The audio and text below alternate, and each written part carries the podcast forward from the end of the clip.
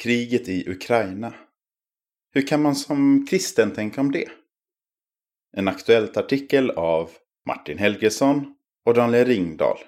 Skriven i början av mars 2022. Nyheten har de senaste veckorna nästan enbart handlat om en sak. Rysslands invadering av Ukraina.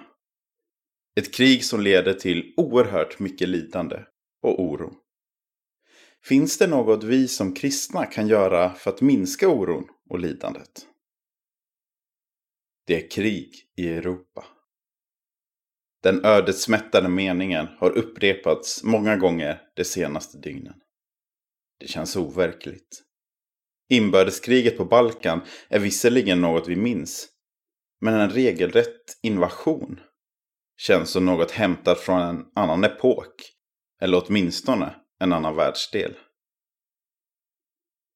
En dos biblisk realism. I fredstid kan Bibelns många omnämnanden av krig och konflikter kännas främmande och stötande. Men Bibeln är djupt realistisk. Bibelns värld är vår värld. Och här är fred inte normen. Inte än.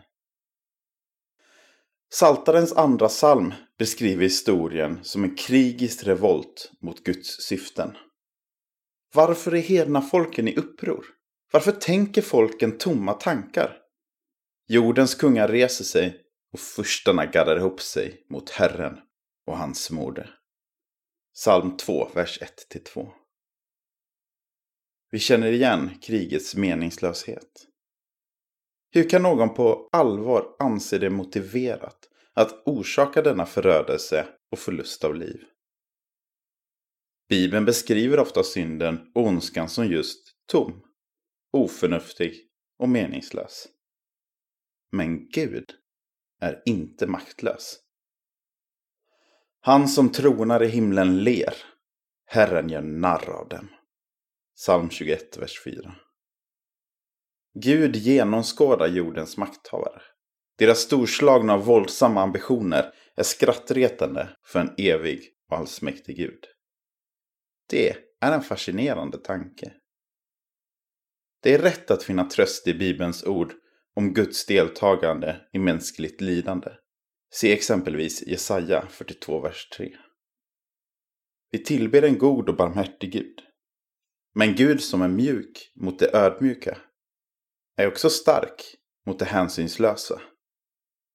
Herren prövar den rättfärdige, men hans själ hatar den gudlöse och den som älskar våld. Psalm 11, vers 5. När Maria lovsjunger Gud för den kommande frälsarens födelse konstaterar hon Härskare har han störtat från deras troner och det enkla har han upphöjt. Lukas 1, vers 52. Ingen vapenskramlande härskare kan omintetgöra Guds planer. Varför låter då Gud det ske? Vi kan inte ge specifika svar. Gud har gett mänskligheten stort inflytande över historien med möjlighet att göra gott såväl som ont. Utan att han hela tiden lägger saker till rätta. Vi kan inte genomskåda alla mysterier eller se meningen i allt. Men Gud har uppenbarat vart historien är på väg. Ett långsiktigt hopp om fred. Sedan syndens intåg är krig och konflikt en verklighet inom oss och runt omkring. Men det ska inte alltid vara så. Gamla och Nya Testamentet talar om en kommande fred.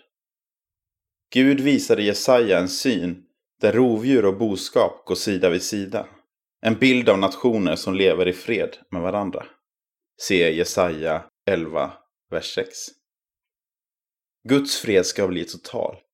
Ingenstans på mitt heliga berg ska man göra något ont eller förstöra något. För landet ska vara fullt av Herrens kunskap. Liksom vattnet täcker havet. Jesaja 11, vers 9. Freden är en följd av att känna Gud och leva vänd mot honom. Jesus erbjöd en förhandsvisning av Guds rike i sin undervisning och i sina under.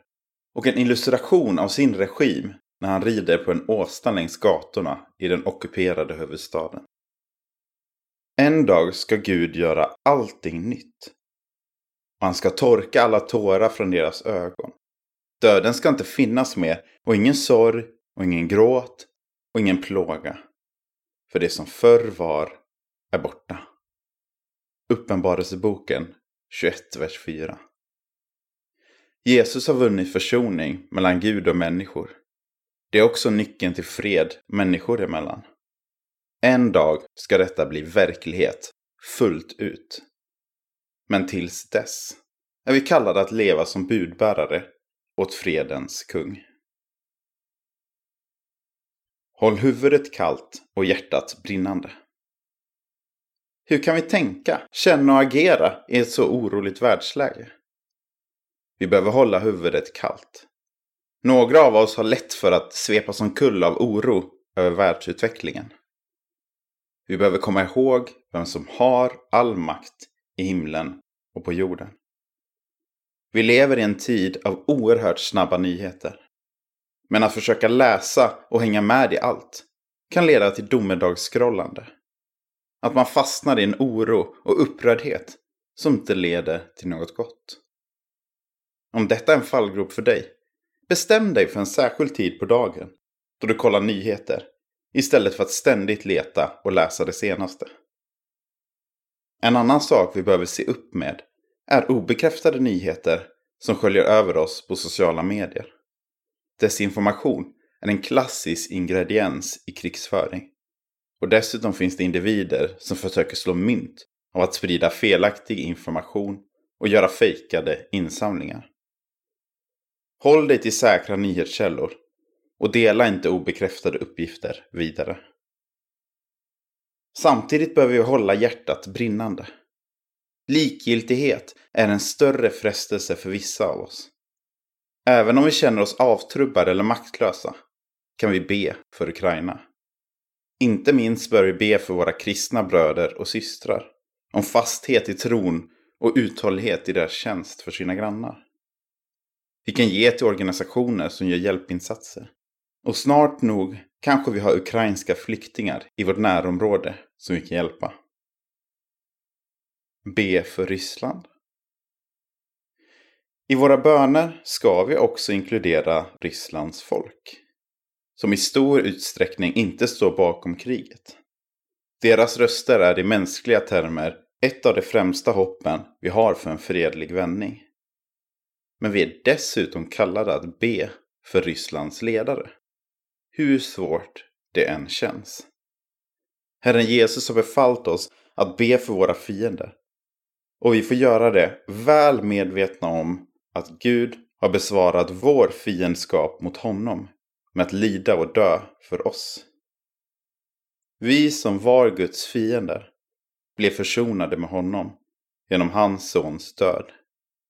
Romarbrevet 5.10a.